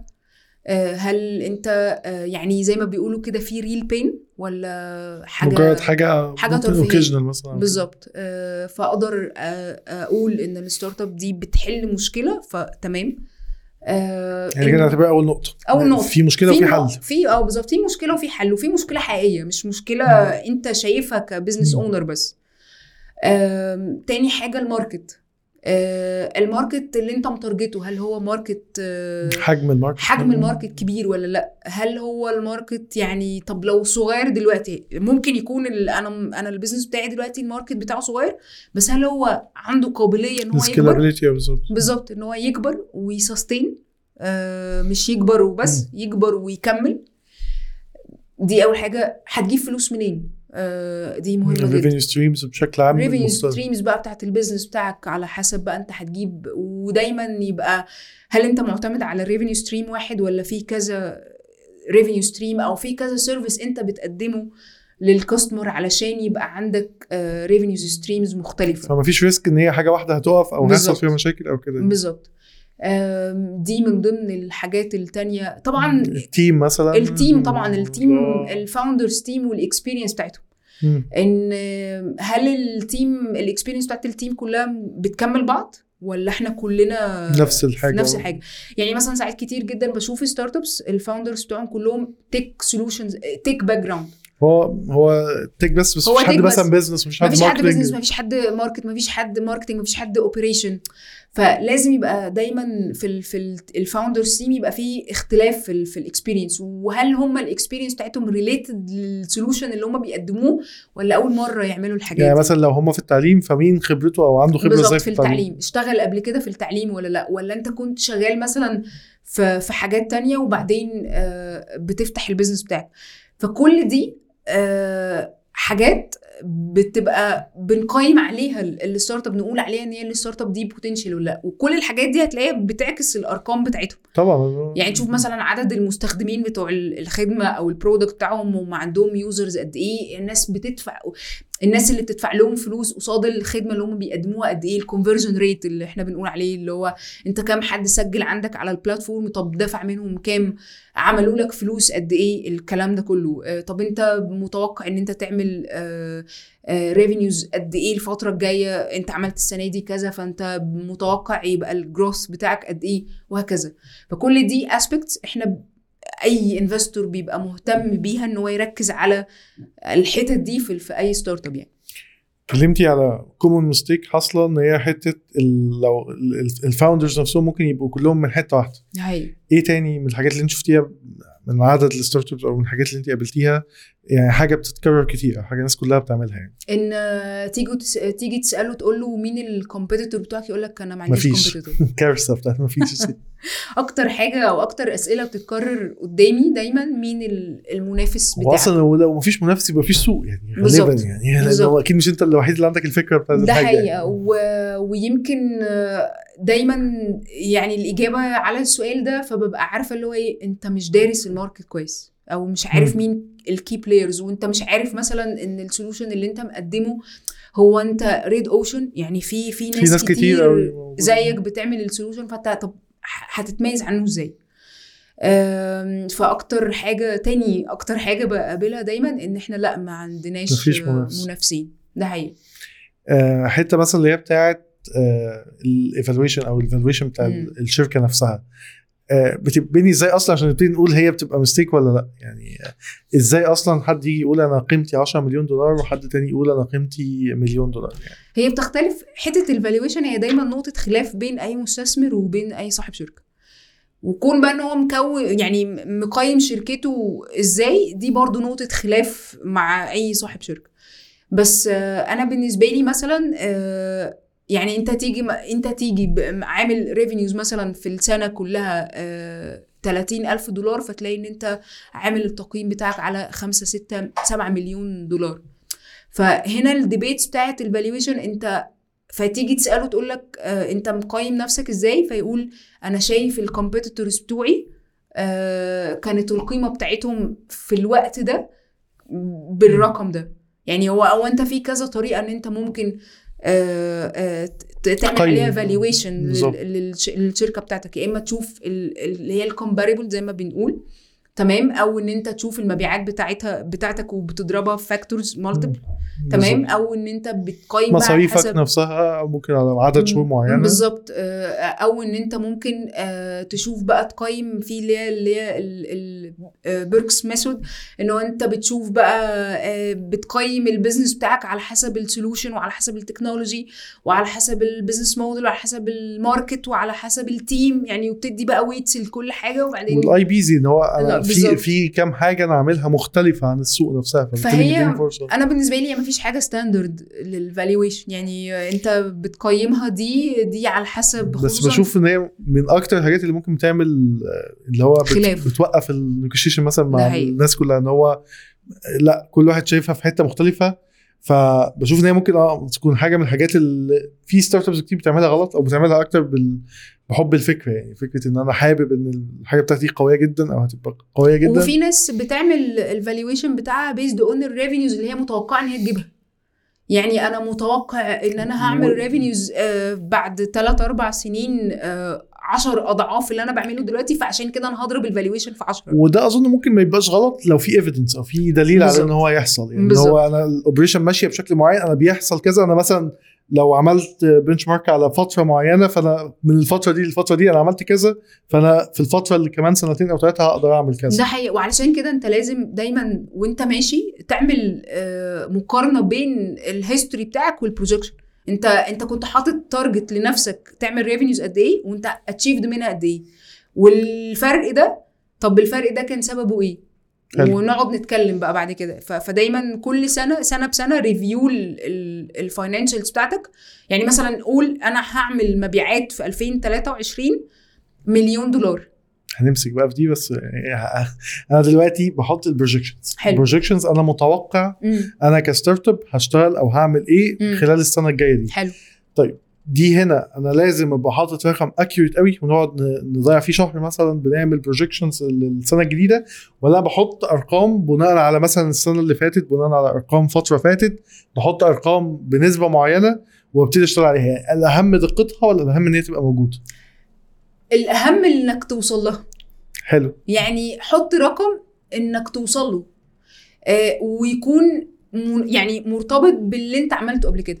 يعني مثلا على سبيل المثال أنت تاريخك في 2022 كان عامل إزاي؟ تمام؟ فإحنا عملنا مبيعات سي مثلا 200 ألف دولار. حلو كده؟ فأنت عايز تتوقع إنك هتعمل في 23 مليون دولار. طب ال gap أنت ال- الفرق ال X ده يعني أنت بتتكلم مثلا في حوالي آه، يعني 5 X مثلا أو حاجة. فأنت الفرق ده هتعمله آه، إزاي؟ آه، لازم تمام يبقى عندك تخيل إن هو أنا إيه اللي هعمله عشان أوصل؟ لده. حلو. هتوصل له إزاي؟ يعني من 200 ألف دولار لمليون دولار ال 800 ألف دول هتجيبهم منين؟ آه، تمام؟ آه، هتعمل إيه؟ أو أو الكلام ده كله يعني. ف...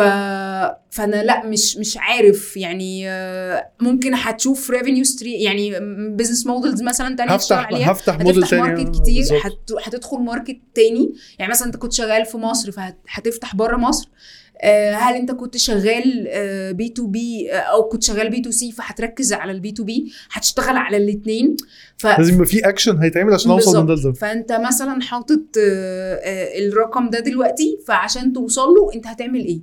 وهل هو achievable ولا لا؟ يعني وهل ال market اللي انت شغال فيه سهل ال- الوصول للرقم ده ولا لا؟ فدايما اللي هو إيه طب أنا دلوقتي مثلا sales growth بتاعي السنة دي كان في واحد في 21 آه، 1 آه، يعني 1 آه، 1 X مثلا. عملنا 100% جروس عملنا ال double. تمام؟ فمثلا ممكن نعمل اللي هو إيه 2 X وامشي اللي هو إيه امشيها baby steps باللي انت قدرت اللي تعمله انت قبل كده. قدرت تعمله. بالظبط. ممكن تكون انت طب لو انت مش عندك تمويل أو مش معاك fund دلوقتي هت هتعمل إيه. فامشيها baby step يعني واحدة واحدة. فاعمل ال projection based on ال history بتاعك وقارن وقف كده وشوف انت عملت إيه هتعمل إيه إيه ال action ال actions اللي انت هتعملها الحاجات دي كلها يعني. أظن برضو من الحاجات اللي ليها علاقة بالفلوس أو بالتقييم أو هكذا حتة ال cash flow ده حقيقي آه، هل أنا ال investor ده لو ما دخلش معايا دلوقتي هموت ولا لأ؟ بالظبط. آه، أو أنا هتعامل إزاي الناس ممكن تتعامل مع ال cash flow أو. إزاي ال startup يعني إيه ال best practice في حتة ال cash flow إن أنا يبقى معايا آه، ال cash flow بتاعي يبقى كام شهر أو أو يعني أنا قادر إن أنا save ال cash بتاعي كام شهر وهكذا. يعني دي نقطة من النقط اللي شفناها الفترة اللي فاتت. startups خدت fund كبيرة عملت team growth كبير جدا جدا جدا. مرة واحدة وقعت. وقعت. فإيه أفضل حاجة ممكن حد يتعامل معاها في الحتة دي أنت عينك دايما على ال P وال L حلو. يعني أنت وأنت ماشي عينك على ال P وال L أنت بتدخل قد إيه وبتصرف قد إيه. حلو. وطول ما أنت ماشي آه المصاريف دي أصلا رايحة فين؟ وهل المصاريف دي يعني مثلا أنت دايما في sheet ال P and L أنت عندك ال cost breakdowns حلو. المصاريف ال administration ال marketing ال salaries الحاجات دي كلها. عينك عليهم. آه، هل المصاريف دي منطقية في ال stage دي ولا لا؟ طب أنا ممكن أستغنى عن إيه؟ ممكن أعمل إيه؟ طب أنا لو مش معايا investment دلوقتي آه، ه survive الفترة الز- اللي جاية إزاي؟ فهيبقى عيني على ال cost آه، هقلل إيه؟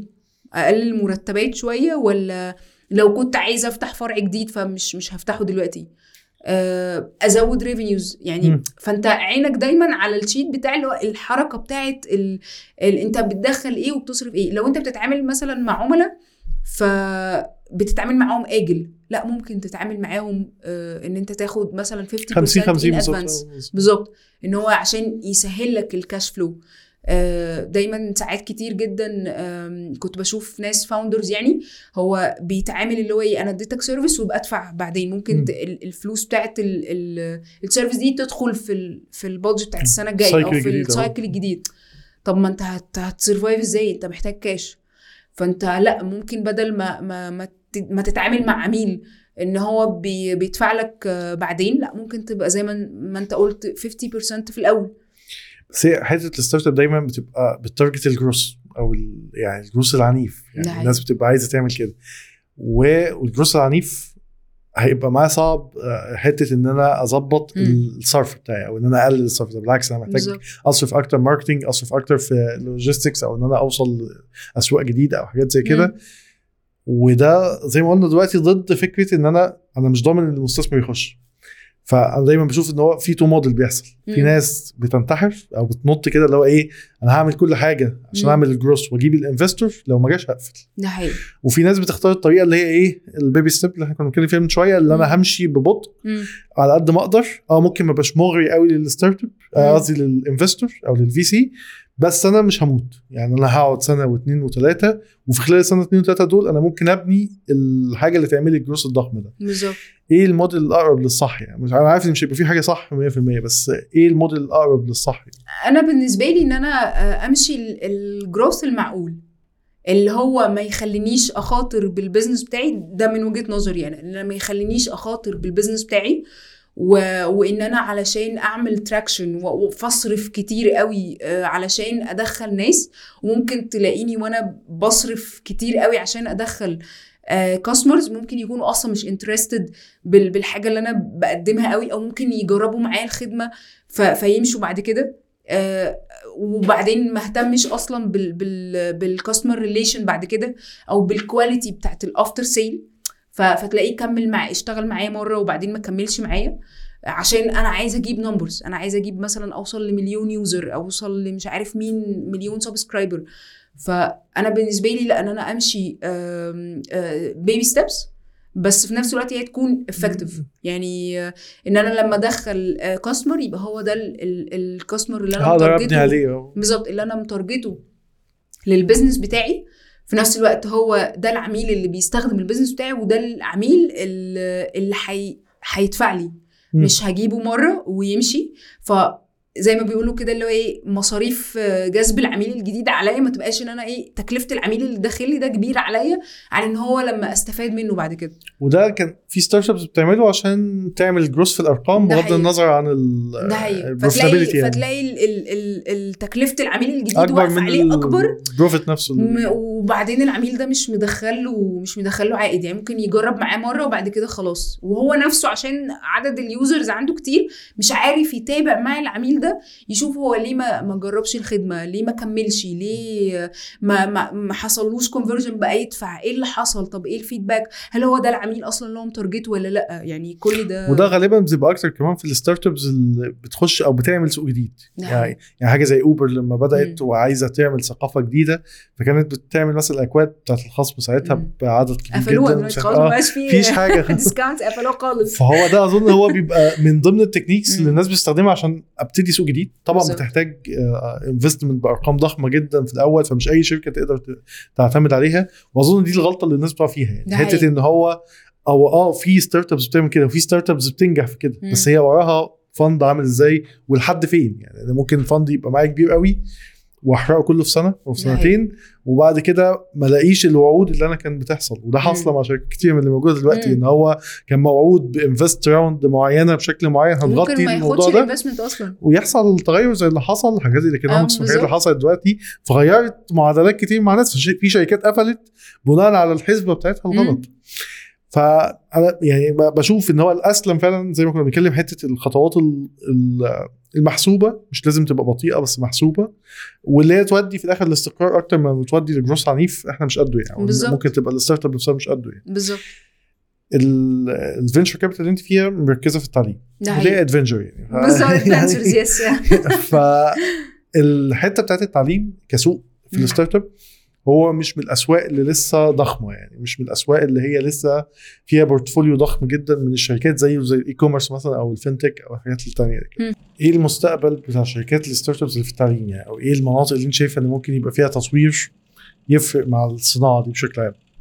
يعني إحنا عندنا مثلا من فترة كان في مجال أو الحتة بتاعت ال metaverse وال VR والحتت دي في دلوقتي الجزء بتاع ال AI والتطوير بتاعه في الجزء بتاع ال content نفسه وطريقة إنتاج ال content وعرضها وهكذا في بعض ال startups آه وفي مجالات تانية يعني جوه الحتة بتاعت التعليم. إيه أكتر حتة أنت شايف إن هي ممكن ال startups يعني تركز عليها في المستقبل أو السوق محتاجه أكتر؟ أنا بالنسبة لي يعني أه، الحاجات اللي ليها علاقة بال AI وال VR هي موجودة بس يمكن ساعات كتير بتلاقي صعوبة في إن هي ت scale. أو إن هي تربط ال solution بتاعها بال بال بالمدارس أو بال أو بال بالتعليم المحتوى يعني التعليمي ليه cost في cost بتاع يعني cost بتاع دخول الحاجة نفسها كفكرة بالظبط. ال cost بيبقى عالي في مقابل الاستفادة بتاعتها. أكتر بالظبط. فأنا بالنسبة لي آه، دي دي حاجة مهمة جدا. حتة ال آه، يعني يمكن حتة ال interactive بتاع التعليم خصوصا لو أنت مثلا بتتكلم في مراحل عمرية اللي هم ال- السنين الصغيرة دي مهمة جدا. يعني إن الأطفال وهي بتذاكر بتبقى آه، يعني صعبة. مش مش مش بتقعد في مكانها اللي هي مش بيقعد ممكن إن هو يقعد يدرس حاجة وقت طويل فأنت لو بتهتم لو في solution دي. solution آه interactive يعني حتة دي دي بتبقى برضو من ضمن ال- الحاجات اللي هي المهمة جدا. حتة ال learning disability برضو ساعات كتير في solutions مش بتبقى تقدر ت detect الطالب اللي عنده لو عنده مشكلة في في التعليم أو إن هو مش عارف آم، يتعلم إزاي أو الحاجات دي كلها وال scalability بتاعت ال business ده تحديدا إن هو يعمل growth في المجال ده. في حاجات related بقى مش مش لل لل student والمدرسة ال teachers نفسهم. في ساعات كتير أصلا gap في في ال development بتاع ال teachers إحنا وفي. هو ال resistant بتاعته أصلا سواء ال teacher أو المؤسسة إن أنا مش بالظبط. عايز أصلا اتطور أنا ماشي ب system أنا ليا يمكن مش بنهتم قوي بحتة ال teacher development إن أنت آه، تطور تعمل كورسات وحاجات لل- لل- للمدرسين والناس اللي في المنظومة التعليمية نفسها تط- تطورهم دايما أغلب ال solutions في التعليم مهتمة بالطالب والمدرسة أو الطالب والجامعة الطالب نفسه أو الولي الأمر. طب الناس اللي شغالة في في المنظومة نفسها اللي عايزة بالظبط اللي عايزة تطور نفسها. التعليم الفني مش مش موجود كتير مم. في في ال market ال education اللي هي الحرف الفنية. آه، مين هيعلمهم ده؟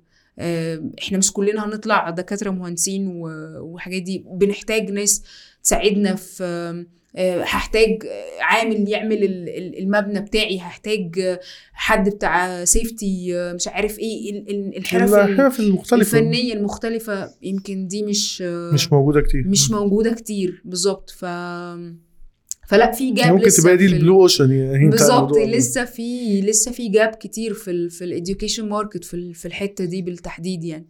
لو افترضت إن أنا دلوقتي أنا بقى هكلمك كشغل يعني. أنا دلوقتي افترض إن أنا startup حلو. في مجال التعليم. آه، أعمل إيه قبل ما أروح أو قبل ما أجي لك أو قبل ما أروح ال EdVentures بشكل عام؟ أعمل إيه عشان أقول إن أنا كده startup اولا محتاج ال fund يعني اني ممكن أبقى مش محتاج ال fund أول حاجة محتاج ال fund تاني حاجة آه، هتوافقوا عليا. أو ده كده إيه ال process أو الحاجات اللي أنت تجيلي بيها. أول حاجة انت مش شرط انك تروح ل venture capital انك تاخد تمويل ممكن تاخد مساعدة منهم بشكل تاني حلو. آه فلو انت مثلا في بداية ال- ودايما بقول يعني لو انت في بداية ال business بتاعك اللي هو انت عملت ال prototype أو ال MVP بتاعك آه ادخل يعني وانت لسه في ال business جديد فادخل الأول ال incubation حلو. واعرف آه، وخد ال trainings اللي بتبقى موجودة في ال incubation خش جوه ال eco system أكتر بالظبط واعرف ال networking والحاجات دي كلها و step by step أنت هتاخد هتوصل بعد كده. فاول حاجة خالص إن أنا كصاحب business يعني أنا بالنسبة لي يمكن عندي issue كتير أو بلاقيها وبواجهها كتير إن حد يقول لي أنا عندي فكرة أه وعايز مستثمر. هو المستثمر مش هيدفع فلوس في حاجة هي لسه ما اتعملتش على أرض الواقع. بالظبط. آه، فأنت اعمل لي آه نموذج أولي من ال من ال product أو من ال service اللي أنت بتعمله. هات لي proof of traction أو traction بالظبط. يعني قول لي بس أنت شكل ال system اللي أنت هتتعامل عليه عامل إزاي واعمل لي ال business plan آه، تمام. وقول لي ال business model بتاعك انت هتجيب فلوس منين وال market اللي انت م target ه عامل إزاي وال cost بتاعك عاملة إيه وهتجيب أرباح منين. والقيمة التنافسية بتاعتك ومين ال competitors يعني اعمل ال... ال... ال- اللي عليك تمام. واعمل ال presentation وال pitch deck والكلام ده كله وذاكر ال business بتاعك واعمل ال MVP وبعدين تعالى نتكلم. لكن حتة ال idea مثلا إن أنت عندك فكرة وأنا عايز استثمار أعتقد دلوقتي خصوصا أصلا في الظروف اللي إحنا فيها يعني. هي أصلا الاستثمار نفسه لو في شركة قايمة حاليا دلوقتي القرار ما بقاش زي الأول يعني كمية. عموما مش مش على مستوى التعليم بس عموما في أي حاجة أنت لو بتتكلم مثلا يعني دلوقتي زمان ممكن كنت أدخل في في شركة pre-revenue لسه ما عملتش أي revenues بس ممكن تقول يعني في indicators potential. كده تقول إن هي شركة potential دلوقتي لأ ما أقدرش آخد ال risk دي وأقول وأدفع فلوس في شركة pre-revenue آه ممكن لأ اللي هو إيه طب يعني روح وتعالى بعد فترة ونتكلم يعني مم. مثلا اديني كده شفت آه ست شهور insights سنة. آه وخليك ابعت لي ال updates بتاعتك ونشوف بقى أنت عملت إيه فحتة أنا بالنسبة لأي startup founder لا يبقى عشان تدخل مش لازم تاخد fund أولي ممكن تدخل ال other programs اللي بتقدمها أي VC تمام؟ زي ال- الحاضنة ال incubation أو المسرعة ال acceleration هتساعدك كتير عشان ال steps اللي بعد كده. وهتساعدك كتير أصلا إن أنت حتى ال valuation بتاعك يبقى أعلى هتساعدك كتير إنك. تبقى فاهم في الموضوع أكتر وهكذا. بالظبط. التغيرات العنيفة اللي بتحصل في ال ecosystem بشكل عام على مستوى العالم كله من ناحية الحتة الاقتصادية من ناحية الحتة اللي ليها علاقة بالمشاكل بتاعت ال startups اللي بيحصل لها downsize أو مختلف المشاكل يعني. مأثرة أكيد على الناس كلها. حقيقة هل ده هو هل ده عذر لل startups اللي موجودة في السوق إن هي ال- ال growth بتاعها ما يبقاش أقوى حاجة ولا هل هو opportunity من ناحية ثانية؟ الاثنين يعني هتلاقيها عامل بيأثر على آه، آه، ال startup تمام؟ بس في نفس الوقت ممكن opportunity لو هو شايف market تاني. يعني مثلا على سبيل المثال انت دلوقتي بت بت operate مثلا في مصر تمام؟ وم target ال market المصري. فليه لأ؟ إن انت تروح تدخل ال market تاني. ومش معنى إنك تدخل market تاني إنك لازم يبقى ليك يعني physical presence في في ال market ده. انت ممكن ت test ال ت test لو انت خصوصا بتقدم online solution أو service أو الكلام ده كله فانت ه target ال customer بتاعك من من ال market ده اونلاين يعني مش محتاج إن انت لازم تروح تفتح آه، مكتب وفرع هناك علشان تفتح آه، آه، أو تدخل market جديد.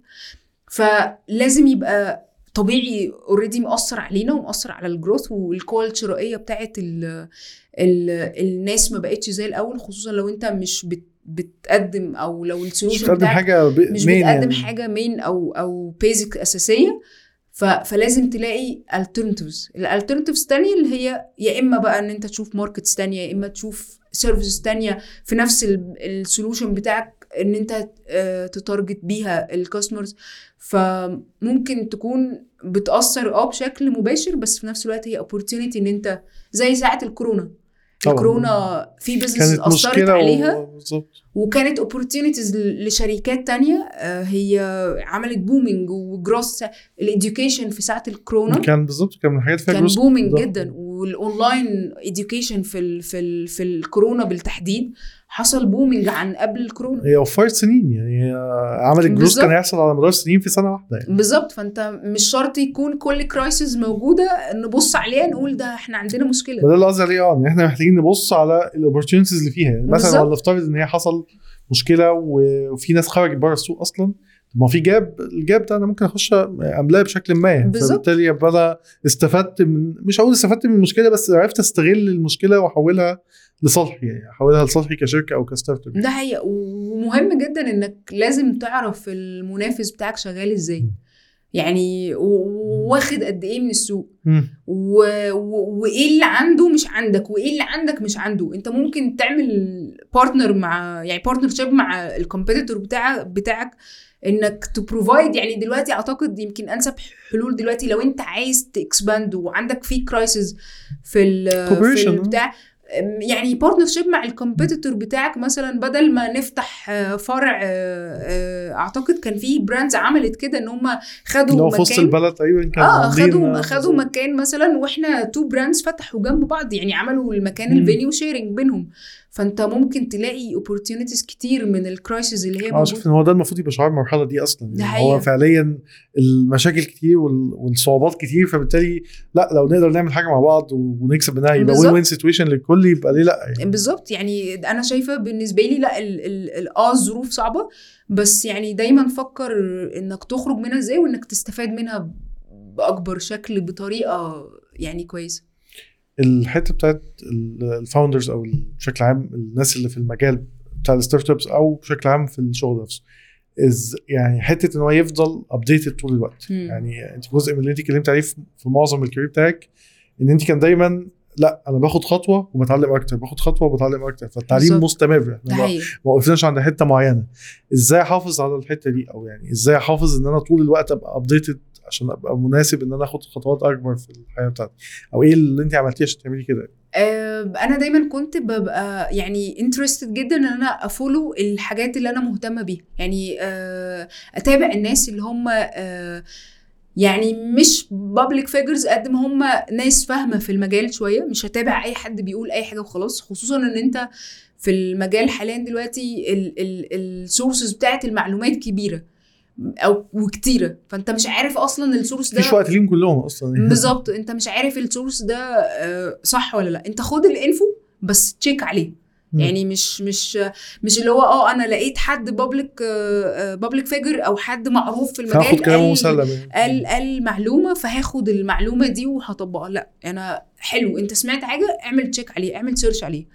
أعتقد ChatGPT دلوقتي مساعد ناس كتير جدا في ال في. ال في ال search وفي الحاجات دي كلها إنك دايما تبقى يعني مثلا تكون موجود في ال community مثلا أنت بتتكلم في في ال communities بتاعت ريادة الأعمال ففي events ليه علاقة بريادة الأعمال ممكن تكون آه، تنزل وتشوف انك. تنزل وتشوف تقرأ عن المجال تشوف إيه المجال ده أصلا بيعمل إيه يعني آه، أنا مثلا لما بدأت ال ال ال career بتاعي أنا ما كنتش أعرف أصلا ال investment associate هيعمل إيه بيعمل إيه.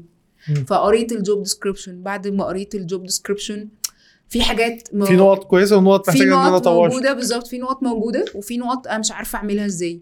فطب الحاجات يعني مثلا كان part أساسي في ال- في الشغل بتاعنا هو ال financial. analysis وال financial modeling وإنك تشوف تحليل مالي للشركه و...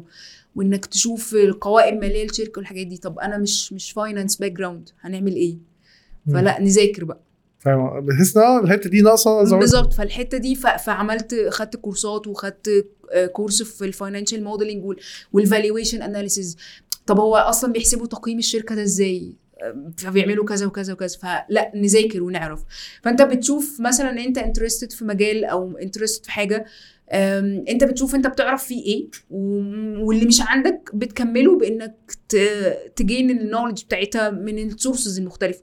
يا إما آه، من ناس expert في المجال trusted مش أي بالظبط. حد ياخد معلومة منه وخلاص. ناس already عندهم خبرة في المجال. إنك تذاكر تعمل search ال search مهم جدا. وال tools يعني لسه انت بتقولي ChatGPT ما هي لازم تسك... لازم تبقى عارف إزاي أستخدم ال tools دي بعد كده. يعني هيبقى صعب جدا أظن في المستقبل القريب يعني مش البعيد إن حد يعتمد على نفسه بس. ده لأن هتلاقي نفسك بتنافس حد بيعتمد على نفسه هو برضه ذكي أو شاطر أو عنده خبرة أو بس ايا كان بس plus tool آه بالظبط. فهو قوته قدرته عملاقة يعني لحد ما نوصل لمرحلة ال tool لوحدها بقى يعني. بالظبط. انت تنافسي المنا... ال tool لوحدها. تنافس بقى ChatGPT نفسه بالظبط. يعني إحنا بنتكلم يعني إحنا المفروض تقريبا كمان أسبوع أو يعني لما تنزل حلقة يبقى خلال أيام هينزل ال ChatGPT 4 مم. اللي هو النسخة الأحدث شوية مم. اللي هي اضعاف أضعاف النسخة الحالية. ده حقيقي. فاحنا بنتكلم في النسخه الحالية أصلا الناس لحد دلوقتي بتندهش بمدى الإجابات وسلاسة الإجابات وحاجات زي كده. فما بالك 4 و5 وبعد كده الحاجات التطوير بتاع الحاجات دي فهنوصل في وقت إن فعليا هنبقى بننافس ال tool. ال tool اللي ما بتنساش ما بتتعبش ما بتفصلش ما بتعملش أي حاجة.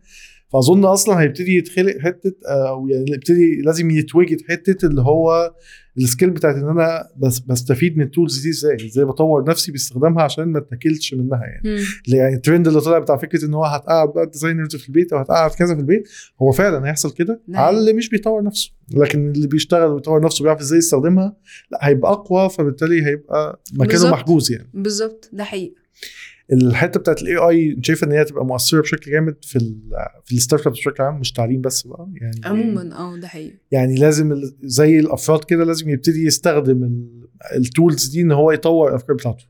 أنا بالنسبة لي آه، ال tools دي هي معمولة مش علشان يعني نستخدمها أو تستغنى عنها عن البني آدم. كده كده البني آدم موجود. بس زي ما أنت قلت الإنسان اللي بيستخدم ال tools دي عشان يطور من نفسه. فأنت دلوقتي عندك ال AI ال AI أنت ممكن تستخدمه في حاجات كتير تسهل عليك حاجات كتير بدل ما كانت بتاخد منك وقت طويل. لا أنا بستخدمها علشان أقلل ال ال الوقت ده. وأطلع نتيجة أحسن. واطلع نتيجة أحسن. بالظبط. فأنا بالنسبة لي لا يعني أنا مثلا أنا أنا بستخدم ChatGPT فمثلا وأنا بعمل presentation أو الكلام ده كله فأنا طب أنا هروح هتكلم عن إيه؟ ممكن أفكر معاه بالظبط أنا أنا بالظبط بفكر في واحد ثلاثة بالظبط آه أنت مثلا act as trainer قول لي مثلا رايح آه هتكلم مع ناس كذا فقول لي اقترح عليا topics هتكلم فيها فهو بي recommend أنت مش هو اللي عمل لك ال presentation هو ادالك اقتراحات. أنت بتعمل tuning مع الحاجة اللي هو بالظبط أنت بتتكلم يعني ده زي مثلا أنت قاعد مع واحد صاحبك فبتقول له والله أنا عندي talk بكرة مش عارف أعمل إيه فمش عارف أتكلم إزاي هو brain. storm بس مع حد. عنده resources كتير بالظبط فأنت ممكن تعمل آه، فال tools دي أنا بالنسبة لي إن هي مهمة جدا لأن هي أنت ممكن تستخدمها خصوصا الناس اللي هي معتمدة على ال writing مثلا شغلها كله معتمد على الكتابة وال research والأبحاث والحاجات دي كلها فبدل ما أضيع وقت طويل في إن أنا أقعد أدور على كذا. حاجة وأكتب وأدور انت آه، بت ب هو وفر عليك الحاجات دي بس مش معنى كده برضو نفس هي الكلام إن ده حاجة. الحاجة المسلمة وإن أنت تاخد المعلومة منه granted لأ أنت لازم ت check. طالما أي حد بيدي لك source معلومة أنت لازم ت validate المعلومة دي صح ولا غلط. آه عملت validation يبقى أنت كده في ال- في الأمان. ما عملتش validation وخدت المعلومة بقى إن انت فانت كده بقى ممكن بالظبط في risk إن ممكن تكون المعلومة دي غلط ال source اللي انت خدته منه مش مش سليم. فهي دي tool بتساعدك مش tool بتعمل شغلك. بس. المرحلة الحالية من الشغل هي شايفاها إن هي أحلى مرحلة ولا أحلى مرحله في لسه مرحلة تانية؟ لا أنا بالنسبة لي تمام. يمكن أكتر مرحلة حاليا دلوقتي آه، أنا حاليا satisfied ومستمتعه بيها خصوصا كمان لأن هي mix ما بين كذا حاجة. هي mix ما بين ال business وكمان فيها حتة mentoring و training وده اللي أنا كنت ال mix اللي أنت كنت بتحبي اللي تعمليه أنا أصلا. كنت بحبه بالظبط بس أنت بقى training في ال business يعني مم. دلوقتي حاليا مثلا إحنا بعمل mentoring ل startups مثلا في في مجالات مختلفة مش في ال education بس في مجالات. مختلفة فالحتة دي هي أنت بت support بقى ال business على حسب من حيث بقى أنت ال background بتاعتك من حيث ال training أو ال training أو الكلام. ده كله ال business plus كمان إن أنت عندك أصلا background في ال training وبتعرف إزاي توصل معلومة فأنت حاليا دلوقتي mix ما بين الاثنين فأنا كده. تمام. لا خلاص بقى مفيش shift تاني. تمام كده. إيه أهم رسالة أنت شايفة إن أنت عايزة تحققيها في ال career بتاعك أو في الشغل بتاعك؟ حاليا دلوقتي؟ overall بقى يعني. overall يمكن أعتقد أكتر حاجة حابة آه، يعني يمكن أكتر حاجة حابة أحققها دلوقتي إن أنا أ develop نفسي أكتر في المجال. يمكن آه، بقالي آه داخلة في سنة ونص أهو دلوقتي. بس آم، يعني لا انت لسه حاسس ان انت إيه أنا بالنسبة لي حاسة ان أنا لسه junior في المجال ده فلا محتاجه اطور نفسي فيه شوية ان أنا آه، أشوف scope مختلف و scope اكبر بقى من business مختلفة تشوف ان انت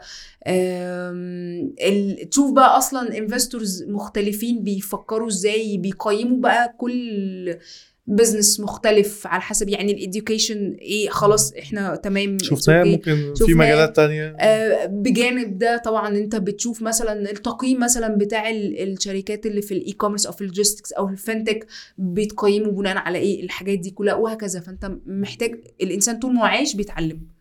مش. بي بيقف عند مرحلة وبيقول خلاص أنا اكتفيت. فأنا محتاجة لأ يعني طبعا محتاجة أبقى يبقى ال exposure بتاعي أو إن أنا explore بقى حاجات كتيرة في المجال ده آه طبعا لأ لسه كتير يعني. إن شاء الله يبقى أكبر وأكبر يعني. إن شاء الله. وصلنا فقره الأسئلة السريعة. حلو. هي دي أسئلة بتبقى بسيطة وسريعة نجاوب فيها على طول. تمام ماشي. شخص آه، أنت شايف إن هو يستحق المتابعة. سواء كان مشهور أو آه، مش مشهور يعني حد بيقدم محتوى مفيد للناس والناس يعني هتستفاد لما تتفرج عليه. آه، أقول الاسم عادي. آه طبعا. آه، أنا بحب أتابع ال- المخبر الاقتصادي. حلو. ال insights بتاعته حلوة وال وال feedback بتاعته وال storytelling بتاعته وال story telling حلوة وحاجات يعني أعتقد الناس كلها تبقى interested فيه آه interested فيها. يمكن ده أكتر حاجة بحبها.